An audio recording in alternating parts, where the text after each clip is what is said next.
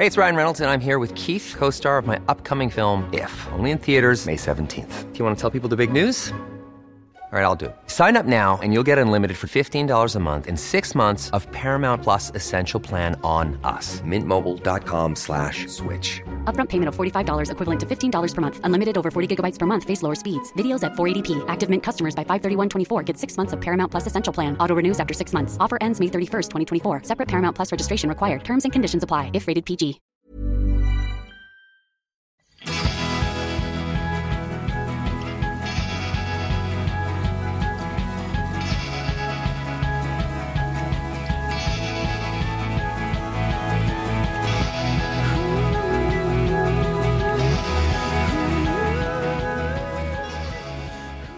I slutet av den intervju med överviktsforskaren Erik Hemmingsson som ni nu ska få höra så kommer Lina fram till att vi borde hjälpas åt att försöka se våra medmänniskor och faktiskt oss själva. Och varför kommer de fram till det? Jo, för att de pratar om det här himla jobbiga fenomenet viktmobbing fixeringen vid hur vi ser ut och hur samhället formar våra ideal och så vidare. Och vad menas egentligen med hälsa och är BMI ett bra verktyg? Vad säger aktuell forskning? Och, ja, allt det här pratar Lina om med Erik Hemmingsson som alltså är forskare på GIH, det vill säga Gymnastik och idrottshögskolan. Här kommer en svinintressant intervju. Ha så trevligt! Välkommen till Food Pharmacy-podden, Erik. Tack! Vad roligt att ha dig här igen. Ja, detsamma. Verkligen. Du, Erik, du har ju skrivit böcker som eh, Slutbantat, Vardagsmotion och nu Kriget mot kroppen. Ja. Sist vi träffade här i podden så pratade vi faktiskt om eh, slutbantat.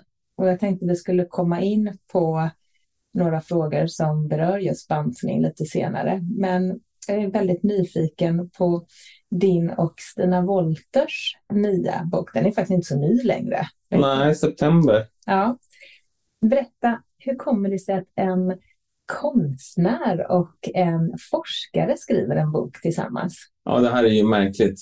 Men eh, på något sätt så var det väl meningen att det skulle bli så. För jag tror ju att när man samarbetar med så pass olika bakgrunder att det blir väldigt berikande, väldigt bra. Och hon och jag har haft kontakt. Vi fick kontakt eh, efter slutbant att jag var med i Karlavagnen.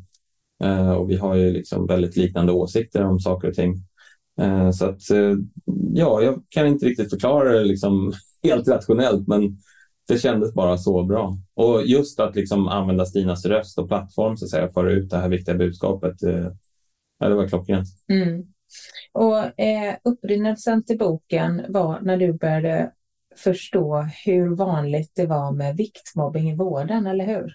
Ja, så här, det är liksom en lång historia. Jag har forskat på övervikt sedan 99 och eh, då i en klinisk miljö. Så jag blev medveten väldigt tidigt om hur pass eh, utsatta patienterna var socialt och eh, psykologiskt och så vidare. Det var mycket mer än bara deras internmedicinska hälsa. Eh, så att det har ju liksom följt mig hela min karriär. Men sen så skrev jag en, en krönika på, hos er på Food Pharmacy 1 februari 2021 och verkligen bad att människor skulle höra av sig med vittnesmål och säga har du blivit viktmobbad i vården så hör av dig. Mm. Uh, och det var ju det som gjorde liksom att ja, men de här dammportarna bokstavligen öppnades. Så jag fick liksom hundratals vittnesmål. Jag blev wow. ganska chockerad faktiskt över uh, responsen. Liksom, bedrövad liksom, och väldigt arg liksom, när jag satt och läste allt det där. Eh, så det blev ju liksom startskottet för själva boken, men, men stigmatiseringen den har jag burit på länge. Mm. Men eh, kan du berätta om ett, eh, du behöver inte ta något eh, exakt exempel om du inte kommer ihåg, men eh, ungefär hur, hur såg historierna ut? Väldigt olika. Många skrev till mig på Instagram, andra skrev mejl och eh, det kunde vara kort och kärnfullt och väldigt träffande oftast. Andra liksom berättade om deras liv hur det är att leva som tjock person i Sverige idag med de här smalnormerna och vad man utsätts för. i alla olika typer av miljöer. Liksom. Och eh, inte bara från andra utan också att man börjar stigmatisera sig själv eftersom man börjar ju tro på allt det där till slut. Mm. Eh, så det, det, var så olika men, men eh, allt ifrån många A4-sidor, berättelser som är gripande på sitt sätt tills liksom bara så här, jag fick höra av någon i skolan typ att jag var tjock och borde banta och sen så har jag liksom aldrig haft ett bra, en bra relation med min kropp efter det. Mm. Så otrolig variation faktiskt i hur de ser ut. Mm. Är det här någonting som har förvärrats under de åren du har arbetat? Det är inte helt lätt att säga, men vi lever ju i en mycket starkare utseendehets idag. Mm. På sätt och vis tror jag kanske att mobbingen var mer öppen och brutal när jag växte upp. Jag är född tidigt 70-tal och då, då man, liksom, man, man kunde liksom få höra kanske mer brutala saker då. Men det är fortfarande liksom väldigt elaka kommentarer som människor får på stranden eller mataffären eller i sjukvården eller var det nu är någonstans. Men vi har ju ett mycket mer, det är mycket mer visuellt idag, ett, ett bildspråk eh, med sociala medier och den digitala miljön som är klart tuffare idag mm. än vad den har varit. Mm. Ja, det, jag tänker jätteofta på det med mina barn som växer upp med de här eh, sociala medierna där alla de följer, alla deras liksom, förebilder är ju eh, superframgångsrika, mm. eh, snygga, vältränade och visar ju bara upp sig från sin bästa sida. Ja. Och jag försökte prata med barnen om att det är lätt att när, när jaget tittar på de här bilderna så blir det ju att jag jämför min insida ja. med deras friserade utsida. Ja, och det, det, är liksom, de här personerna har ju också en insida som de har valt att inte eh, visa utan det här, man kan ju liksom välja själv vad man lyfter fram i sociala medier. Mm. Och här tänker jag på Stina är ju en sån otroligt bra kanal där för, ja. att, eh, för att bryta det här perfekta eh, mönstret som vi liksom matas med varje dag. Ja, det är fantastiskt hur, hur hon gör det och har gjort det länge och nu kommer ju allt fler som liksom börjar bråka med de där normerna och idealen som, som är helt fruktansvärda på många sätt. Och det är, den här digitala tekniken som ju har kommit till oss, det är ju, innebär ju många fördelar. Eh, men det är också så här, vi behöver ju lära oss att använda det där på ett ansvarsfullt sätt. Mm. Och det lyckas vi inte alls med. Jag tycker hela influencerkulturen är nästan bisarr i sin, hur den är utformad och vad den leder till. Och då tänker jag också liksom på mina barn och hur de har det och vad de växer upp med Mm. jämfört med hur jag hade det. Och då Mm. var det liksom inte alls den här hetsen och pressen. Så vi har ju också de här nyliberala idealen idag som inte heller var så starka förut. Att man, man är ju verkligen sin egen lyckas smed på ett annat sätt. Och Mm.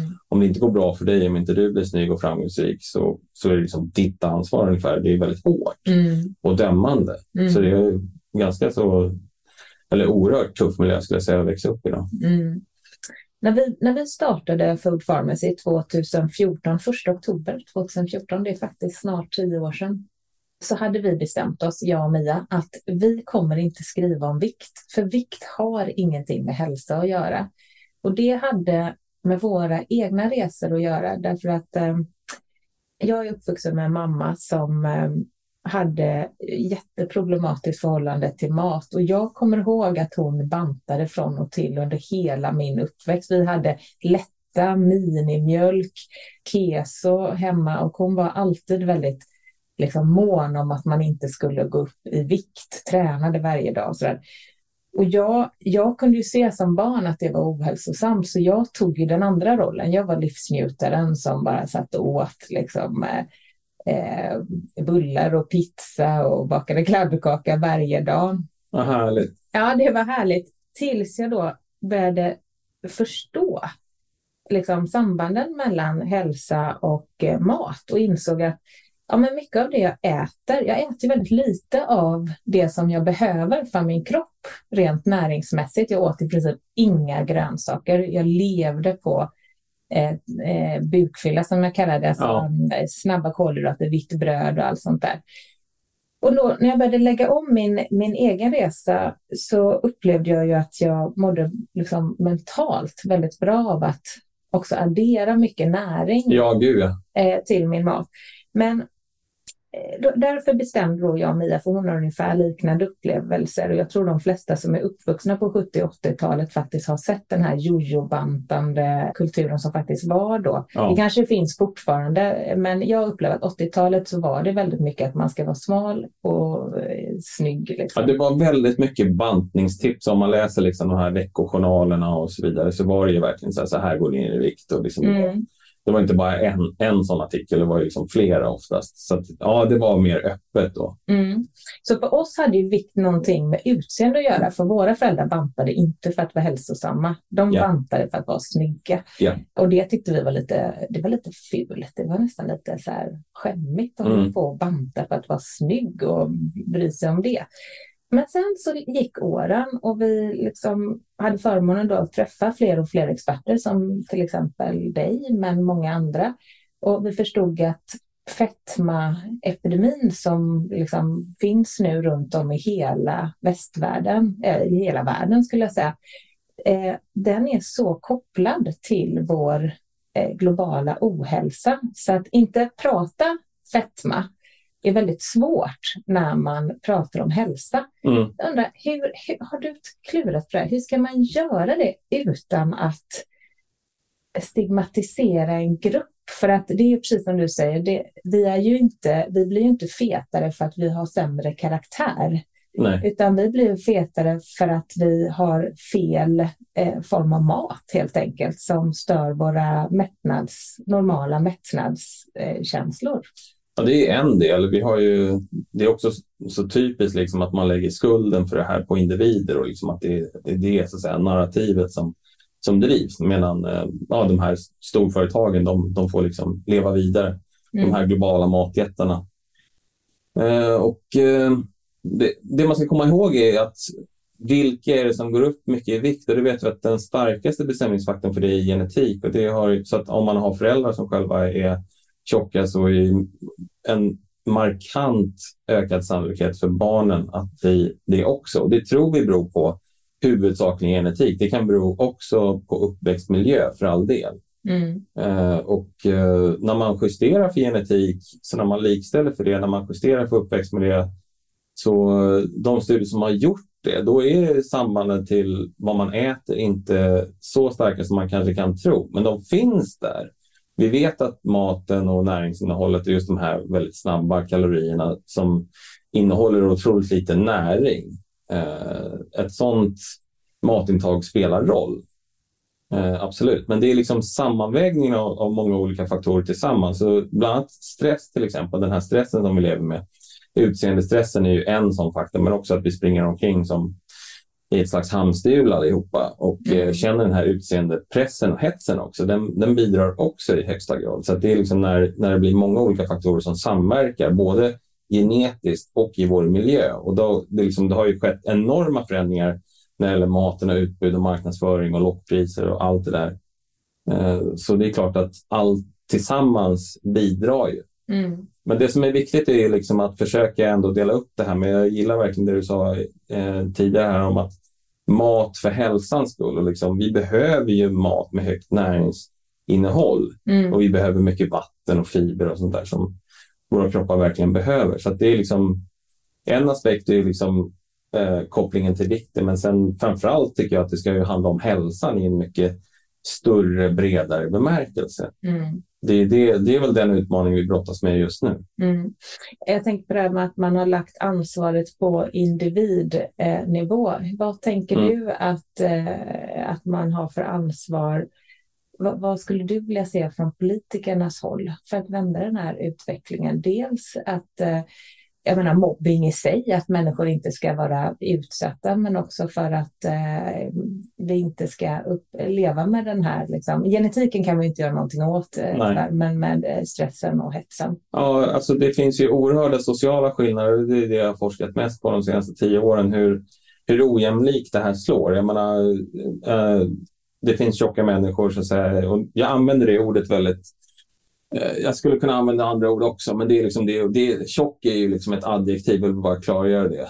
En ostskiva kan vara tjock eller mm. smal mm. till exempel. Men vad är tjock när du säger det? Är det då överviktig eller är det fetma eller är det allt? Eller vad? Att man har en tjockare kropp helt enkelt. Sen kan man ju övervikt och fetma eller obesa som man vill kalla det för det, det är liksom någonting som då är det ju mer i den medicinska sfären. Men det, det pågår ju en jätteintensiv diskussion just nu där om vad obesitas är för någonting. Och det kritiserar vi väldigt hårt i den här boken också. Att, att bara använda BMI är fullkomligt orimligt därför att uh, om man är väldigt muskulöst mm. byggd till exempel så hamnar man i det facket men man kan vara smal men ha en hög fettprocent men klassas som normalviktig så att säga. Så det blir fel åt många olika håll. Så där behöver man också liksom definiera den här sjukdomen mycket bättre. Men att man är egentligen en person med en, eh, en högre fettmassa. Mm. Och sen är inte det mer specifikt definierat än så. Nej. Men sen så har vi en väldigt viktig aspekt av allt det här. Det rör de här medicinska aspekterna. Att man kan ha en fettmassa som börjar påverka kroppen negativt. Eh, till exempel nedsatt insulinkänslighet, högre blodsockernivåer, högre blodtryck, eh, blodfettsrubbningar eh, och eh, låggradig inflammation och sånt där som inte är bra för oss. Och där spelar fettväven en roll. Mm. Eh, den bidrar till det, precis som att det finns många andra faktorer som bidrar till det också. Mm.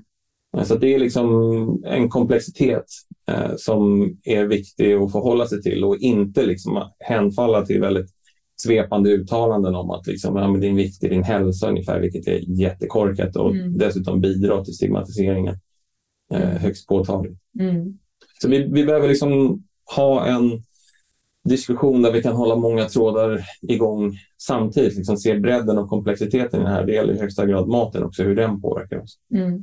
Och hur kan vi bli snällare mot varandra? Ja, det måste gud. ni ha tänkt på mycket när ni skrev den här boken. Det, behöver, ja. det kan ju ha egentligen i stort, det behöver inte ha eh, alltid med viktmobbning det kan ha med mobbning i stort. Att Verkligen. acceptera varandra och se varandra. Nej, men vi lever i en väldigt intolerant värld. Det ser man ju många exempel på. Vi är väldigt dömande av andra.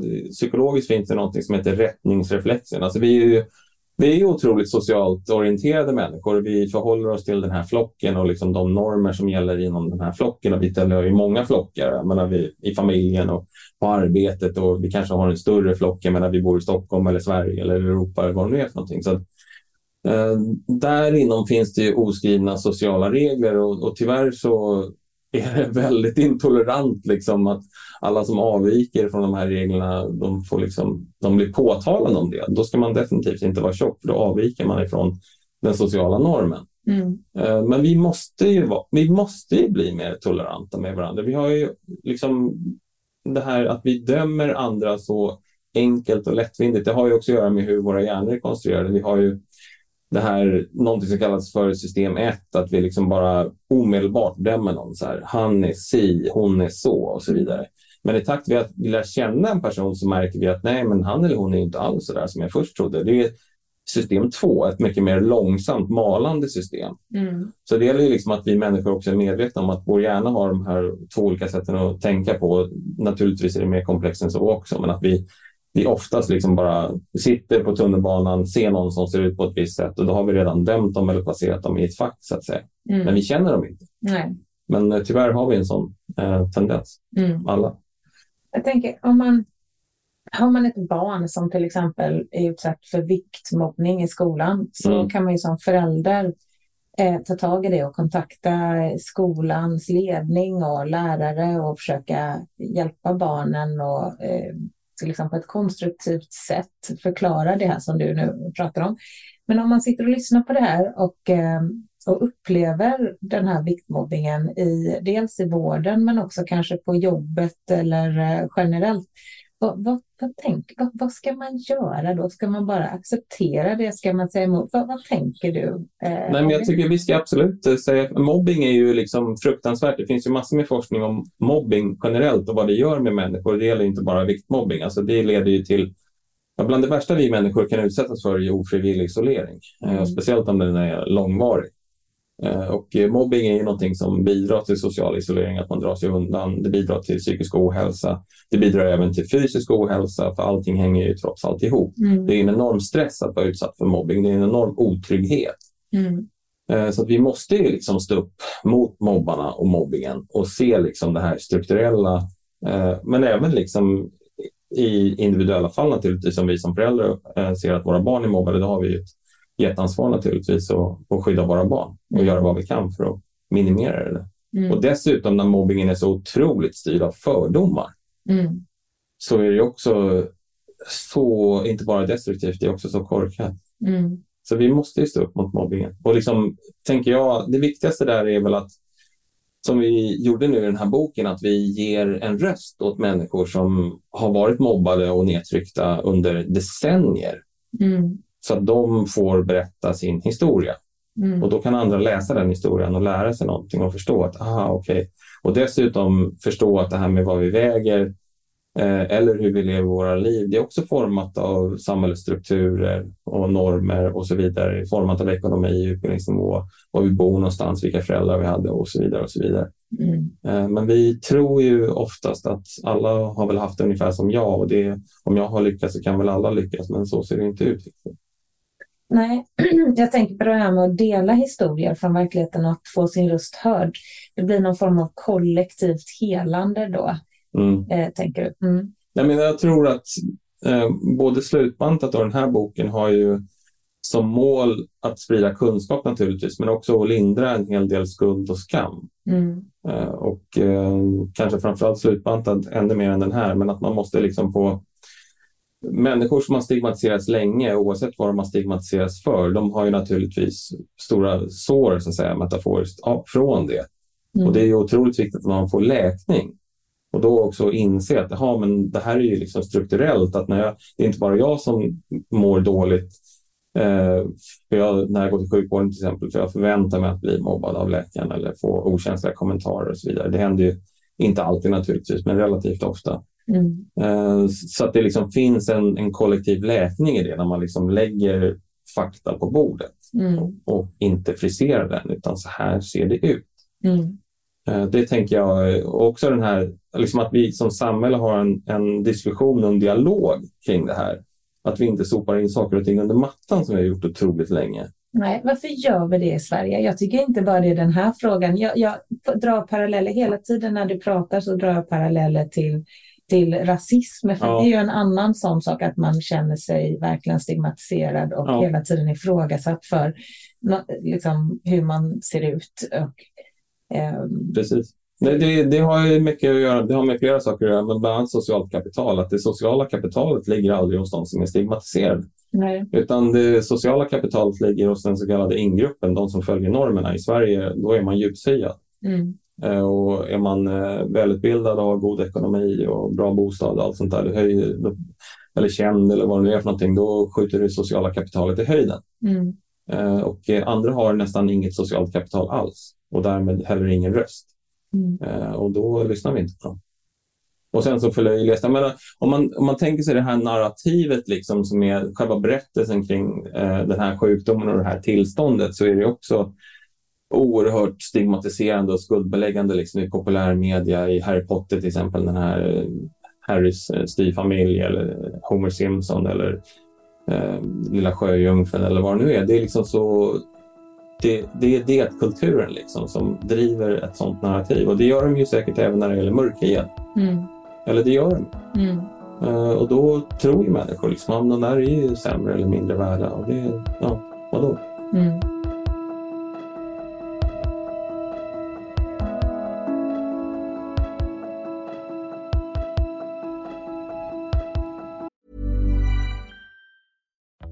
Life is full of what ifs. Some awesome, like what if AI could fold your laundry?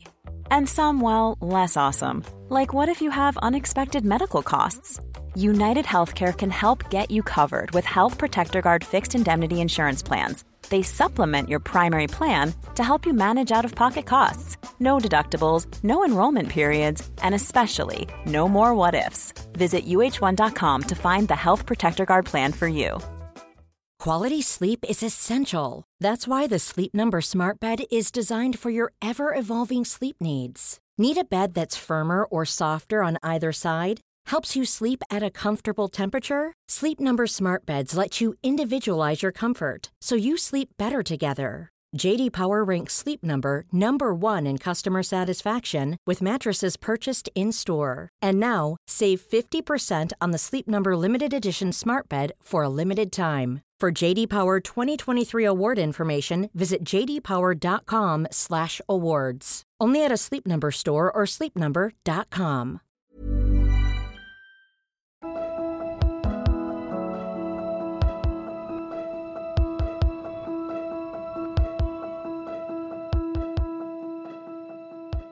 Jag tänker på det, skuld och skam. Ja, Det är ju på något sätt där som det här lidandet kommer ifrån. ja, Och hur kan vi få en kunskap om att, jag var inne på det lite förut, om att det är inte vår karaktär som gör oss överviktiga eller Mm. feta, utan mm, jag var inne till exempel på eh, mättnads och hungersignaler, att när vi sätter dem ur spel och eh, det finns massa olika faktorer som du var inne på, men det har väldigt lite med vår karaktär att, Ja, ja. att göra och idag lever vi i en tid i historien när mat finns tillgänglig överallt och vi är faktiskt skapta som människor, nu tänker jag rent biologiskt, att vi är skapta, vår hjärna är skapad att hela tiden försöka spara på energi Mm. och att äta när vi Ja. får mat. Så det är ju inget konstigt, det är ju helt normalt och så som, som vi är liksom designade att fungera. Eh, Varför funkar inte bantning? En svår fråga, men jag vet att du har skrivit mycket om det här. Varför, varför ska man lägga ner bantning? Eh, ja, men, eh, det är ju ändå inte speciellt svårt att förklara därför att vi vet ju, det har, det har liksom varit kardinalproblemet inom bantningen. Jag höll ju själv på med bantningsstudier på 00-talet. Mm. Eh, och även då var det ju välkänt att ja, vi kan få människor att gå ner i vikt genom att ge dem mycket mindre kalorier och sen verkligen monitorera att de följer det. Mm. Och sen så oftast fanns det väldigt starka hälsomässiga skäl för att gå ner i vikt också. Pratar om svältdiet då? Ja, men nästan. Mm. Och, det som händer är ju att de går ner och sen så går de upp. Eh, och Går man upp mer då? Bara frågan, för det har jag Vissa läst. gör det. Ja. Vissa gör inte det. Det beror så på. Eh, så att, det vet vi inte heller exakt liksom vad sånt beror på, men sannolikt att ju oftare man håller på och bantar, desto mer kommer kroppen verkligen att streta emot. Mm. Eh, så att man, eh, ja, den här goda effekten avtar eh, efterhand. Men vi vet ju att kropp, nu, nu förstår vi liksom, och det började dyka upp som forskning för eh, 15-20 år sedan och speciellt kanske de senaste 10 åren att eh, metabolismen går ner. Mm. Eh, och då menar jag att den går ner per kilo kroppsvikt så därför att en lättare kropp gör av med mindre energi också. Eh, så vi blir snålare helt enkelt. Sen, sen ställer kroppen om också i hjärnan för det är hjärnan som reglerar, alltså vikten regleras ju centralt i hjärnan av flera olika centrum. Eh, framförallt i hypotalamus och då, då skickar den ut hormoner som gör att vi blir mindre mätta när vi väl äter Mm. Eh, och vi blir också mer hungriga. Mm. Eh, Så det är liksom en, en ganska lång lista på hormoner som är involverade i den där regleringen, och inklusive regleringen av metabolismen. Mm. Eh, Så att vi får liksom, som Don Quijote, vi får liksom slåss som väderkvarnar eh, och det blir oerhört svårt att behålla den vikten på sikt. Mm. För att metabolismen också då ställer om sig till att eh, nu får jag så här få kalorier. Så Ja. nu ska jag se till att ta, eh, liksom, verkligen samla det jag har. Ja, Mm. Exakt. Exakt. Så det är som du sa in, inledningsvis, här, att våra kroppar är ändå har en slags... Eh, den vill gärna skydda sig genom att mm, behålla de här fettdepåerna som den har byggt upp. Mm. För överlevnad Ja, helt exakt. enkelt. Ja. Och när det kommer till träningshetsen då, för att det Mm. finns ju både en hets inom kost och en träningshets idag. Mm. Vad, ehm, jag tror att väldigt, väldigt, jag börjar skratta för att jag har ofta lite dåligt samvete för att jag tränar för lite, men ehm, nu svamlar jag ut det, men jag vet ju att jag har skrivit en bok av vardagsmotion också. Ja. Eh, och jag är ju den som alltid slår ett slag för vardagsmotionen, därför att det ger så mycket mer. Det ger ju livskvalitet. också. Ja, man kommer ut och man liksom, kanske är med vänner och med barnen och Så. Men träningshetsen, man ska inte sticka under stol med att det, det är ju skönt liksom, eh, när man väl tränar. Man får ju Mm. endorfiner och man känner ju direkt att man får ett kvitto, liksom, Ja, att man mår bra. Men det är ju också väldigt oskönt när man känner att man inte har tränat och det ger den här kanske dåliga samvetet. Jag tror att det är väldigt många som känner det när man hela tiden läser om jätteviktigt att bygga muskelstyrka för när du blir äldre och eh, det är så otroligt viktigt att ha eh, bra kondition och så vidare. Mm. När det kommer till ehm, bantning och träning och så där, varför, varför funkar inte träning egentligen? Ja, men träning är ju fantastiskt, annars skulle jag aldrig jobba på GIH. Eh, det är ju en slags mirakelmedicin.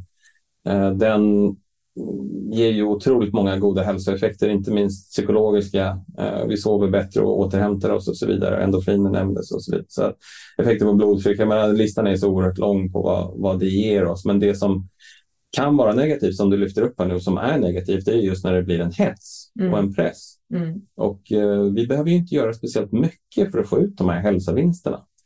Eh, men egentligen kan man ju bara fokusera på det subjektiva, tycker jag. Hur, hur, hur mår jag? Och det kanske största problemet när det gäller vår hälsa eh, idag är ju kanske den här bristen på ett subjektivt välmående. Mm. Och det är just det, så att det blir kontraproduktivt med den här hetsen och stressen. Mm. Och det är också det här nyliberala, va? att vi liksom gör någonting som är fullkomligt naturligt till en prestation. Ja, men precis. Att man får gå uh, till ja. gymmet då ja. och liksom ja, men Det är tävlingssamhället. Det är liksom, eftersom jag undervisar studenter på högskolan så det är liksom högst påtagligt. Så var det inte när jag pluggade och säkert inte när vi pluggade heller, att eh, de är så oerhört medvetna om att man måste prestera och vara duktig och ta sig fram och göra karriär. Alla de här framgångsfaktorerna. Vilket också är så märkligt hur, hur vi liksom hur en sån kultur kunde växa fram. Att allting är en prestation, allting är en hets. Eller du vet så här, Ja, men eh, sömn blir en slags prestation eller eh, du vet, nu ska man återhämta sig på bästa möjliga sätt. Förstår du? Liksom? Det är en mm. oxymoron. Det är, liksom... det är en stress och veta ja. att nu, nu måste jag stressa för att hinna hem och återhämta mig. Ja, alltså, min återhämtning går inte så bra som jag hade hoppats. Alltså, det blir så oerhört märkligt allting. Mm. Bara slappna av. Mm. Men vi ska komma ihåg att, och det här är också någonting som vi lyfter i boken, att eh, det finns ju en oerhörd industri bakom allting. Också liksom träningsindustrin. De måste ju skapa liksom ett sug och en medvetenhet och de är ju konstant på oss. Liksom. Och det är inte speciellt balanserade budskap alla gånger och bantningsindustri och så vidare. Utan liksom bara um, du vet, ät bra mat för att det är bra för dig och sen så kan du slappna av. Håll inte på att noja så mycket. Samma sak med rörelse, motion, träning. Det kan se ut på så oerhört många sätt. Och hur vill jag definiera hälsa? Hur vill du definiera hälsa? Vad är viktigt för dig? Vad är viktigt för mig? Vad är viktigt för dig som lyssnar nu? Och så vidare. Och bara ta det lite lugnt. Mm. Inte hålla på och stressa upp oss. Då blir det ju kontraproduktivt. Jag tänker på när du pratar om det här med skolan och så där. Jag kan inte hjälpa att göra en reflektion. Jag tänkt på det så mycket eh, när jag jämför hur jag själv växte upp och hur mina barn växer upp. När jag var liten så jag, jag kommer inte ens ihåg att man pluggade liksom, i mellanstadiet. Man gick i skolan och sen ja. gick man hem och lekte ute i skogen, ungefär liksom, ja. lite förenklat. Min dotter börjar gymnasiet nu efter sommaren och min son börjar sjuan. Och så mycket som jag har pluggat med mina barn har jag inte ens pluggat i mitt egna liv när jag själv gick i skolan. För att det ja. är så otroligt svårt och mycket mycket och det är väldigt fixering vid de här betygen. Så jag känner, jag känner liksom inte alls igen det här från när jag var liten och mina vänner. Det var ingen som höll på att hetsa med skolan i så tidig ålder, utan det kanske kom på universitetet att man stressade för en tenta och man hade flera tusen mm. sidor att ta igen och så. Likadant idrotten man tog liksom en fotboll under armen och sprang ut och spelade. Ja, ja, Idag är det visst. min son är liksom med ett akademilag och jag är helt chockad och står och tittar hur, hur otroligt prestationsinriktat och tävlingsinriktat det är. Och jag står och ja. tänker hela tiden att det är barn som spelar fotboll. Ja. Är inte det viktigaste att de har kul? Allt har verkligen... Ja, det, hela den här, ja, det är den här tävlingskulturen och, och hetskulturen som den, har ju liksom, den dök inte upp över en natt, men den, den kom ju liksom med de här nyliberala idealen som började spridas från USA. Det var ju mycket efter andra världskriget och framåt, där det är just att ja, men nu är det upp till dig liksom, och du måste ta ansvar och så vidare. Och visst, eh, absolut, individer har ju alltid ett ansvar och framförallt många möjligheter, men att eh, allt är liksom... Eh, jag tror att det är lite av en baksida av kapitalismen. Alltså kapitalismen har ju gett oss väldigt mycket tillväxt och, och så vidare och högre levnadsstandard och så vidare. Men den är inte jämnt fördelad. Liksom. Eh, Men också väldigt, väldigt hetsiga ideal. Mm. Ungefär som att varenda familj är som ett litet börsnoterat företag och nu gäller det att prestera och springa Med snabbare. flera olika varumärken Ja. man ska bygga en Ja. image kring varje. Alltså en person har ju blivit ett varumärke i sig. Ja. Eh, där du liksom ägnar stor tid åt din dag. Jag tänker nu på den yngre generationen. Åt att Ja. Mm. faktiskt bygga det här varumärket. Det som är viktigt nu är ju liksom att försöka ha som individ också en himla massa integritet. Mm. Eh, För att om man bara låter sig dras med i allting, ditt liv kommer bli ganska jobbigt. Mm. Och liksom, eh, ja, kommer du ha någon fritid kvar? Kommer du liksom kunna göra saker på ett avslappnat sätt? Som du nämnde, liksom bara gå ut och spela brännboll eller fotboll eller någonting. Sånt ser man ju knappt längre. Utan Nej. det är ju liksom allting är, organ- ja, det är, det är organiserat, uppstyrt och liksom du måste vara med på minst så här många träningar, annars får du inte vara med. Så Mm. allting, det är så oerhört oförlåtande. Mm. Eh, och det är så här, ja, visst, det gynnar ju de som är högpresterande. Och där, är, där har du ingruppen som jag nämnde tidigare. Att det här är ett samhälle för individer som presterar extremt bra. Jag måste säga en sak där, Erik. Jag vet inte om jag håller med. För Nej. jag tror att högpresterande människor, jag tror ingen mår bra. Jag är nämligen en person som lätt skulle kunna gå in i ett sånt hamsterhjul och bara okej, ja, ja, nej, men jag gör det som förväntar sig, eh, plikten framför allt. Och vad var det jag skulle göra nu? Ja, jag skulle göra det här, det här.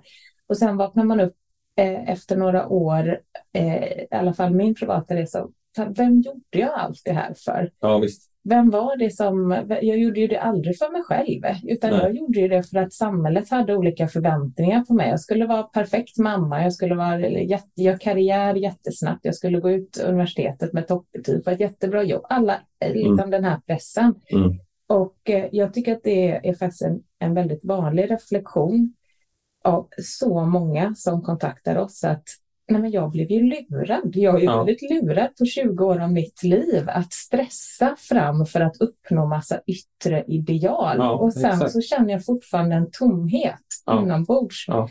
Och där brukar vi säga, jag, jag har haft det i bakhuvudet nu när vi har talat hela tiden.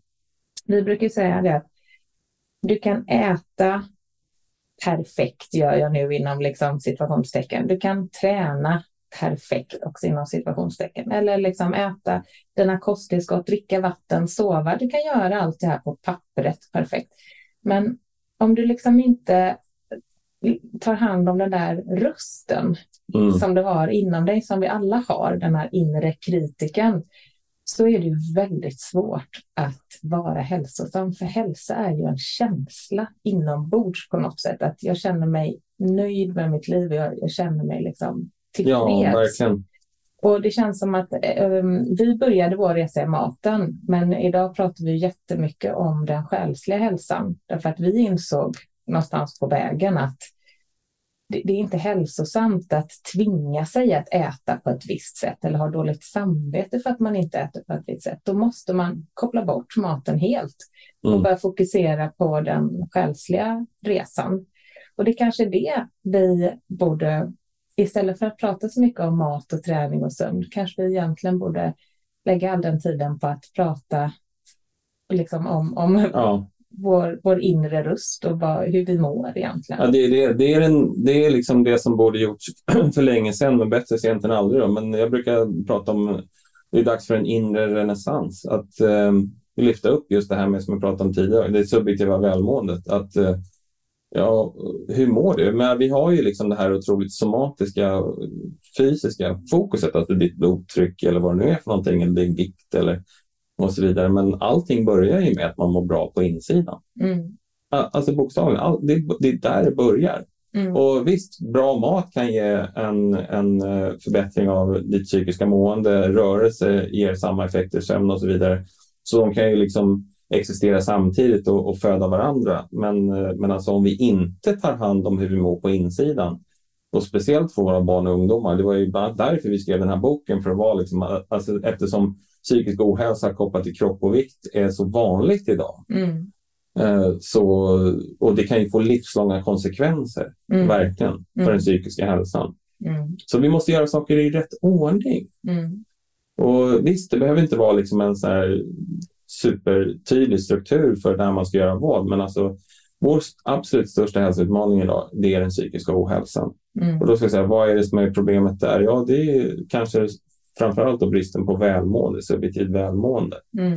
Att vi liksom existerar, men vi lever inte egentligen Mm. eh, fullt ut, utan vi, som du beskrev så bra, det här att det är liksom krav och det var liksom aldrig för mig själv, utan det var för någon annan, att man liksom Ska springer bevisa någonting. Ja, bekräftelse och, och bekräftelse behöver vi alla naturligtvis, men att det kommer inte från mig själv. Mm.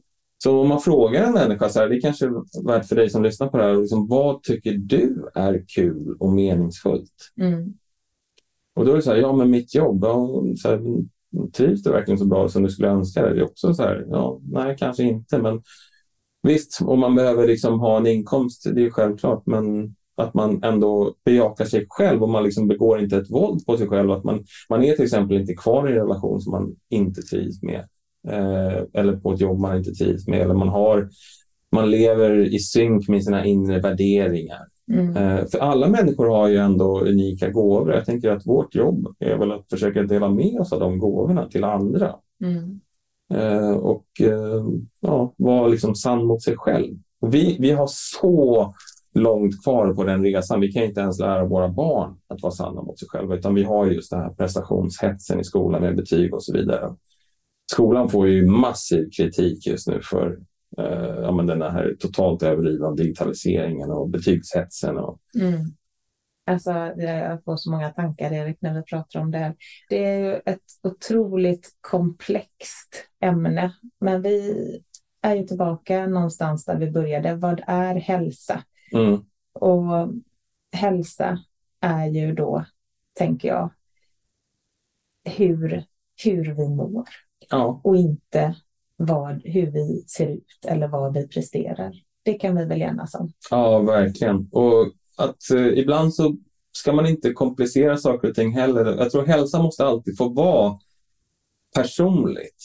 Och Mm. också det här med att vi behöver en slags eh, tolerans när det gäller hur, hur individer definierar hälsa. Mm. Eh, och att det får vara, jag tänker på hälsa så här och någon annan tänker på ett annorlunda sätt och det måste få vara så. Mm. Men det stora misstaget vi har gjort när det gäller hälsa det är liksom att vi har haft fokus på vissa saker, framförallt då det fysiska Mm. eh, och tänkt att det är hälsa. Mm. Eh, Men det är tyvärr inte alls hälsa, utan det har mer med sjukdomslära att göra. Det behöver vi också. Liksom. När vi blir sjuka så behöver vi hjälp för det. Men att eh, ett mycket större fokus på vårt psykiska, emotionella, sociala välmående. Mm. Om vi inte kan få till det, då undrar jag faktiskt hur kommer det gå.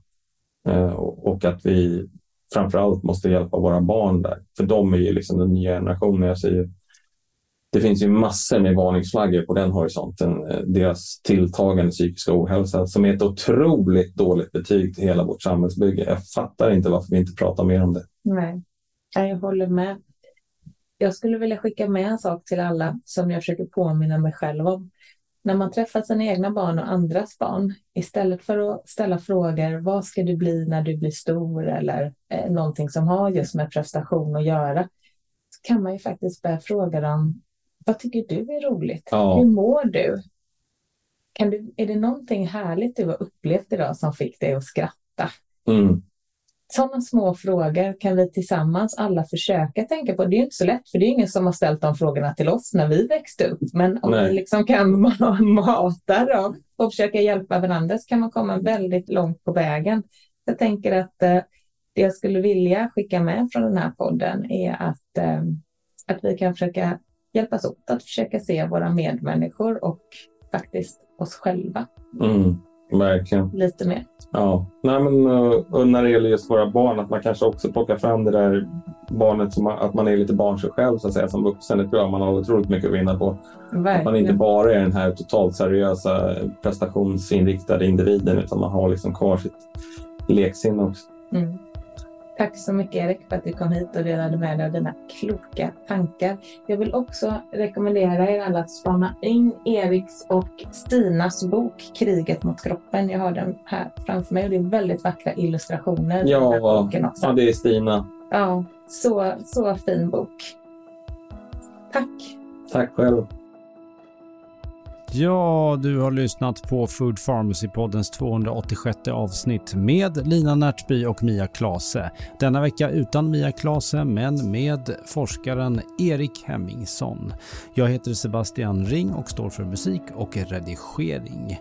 Vill du ha mer av oss på Food Pharmacy så finns vi på foodpharmacy.se och på Instagram under namnet food underscore pharmacy. Hej då!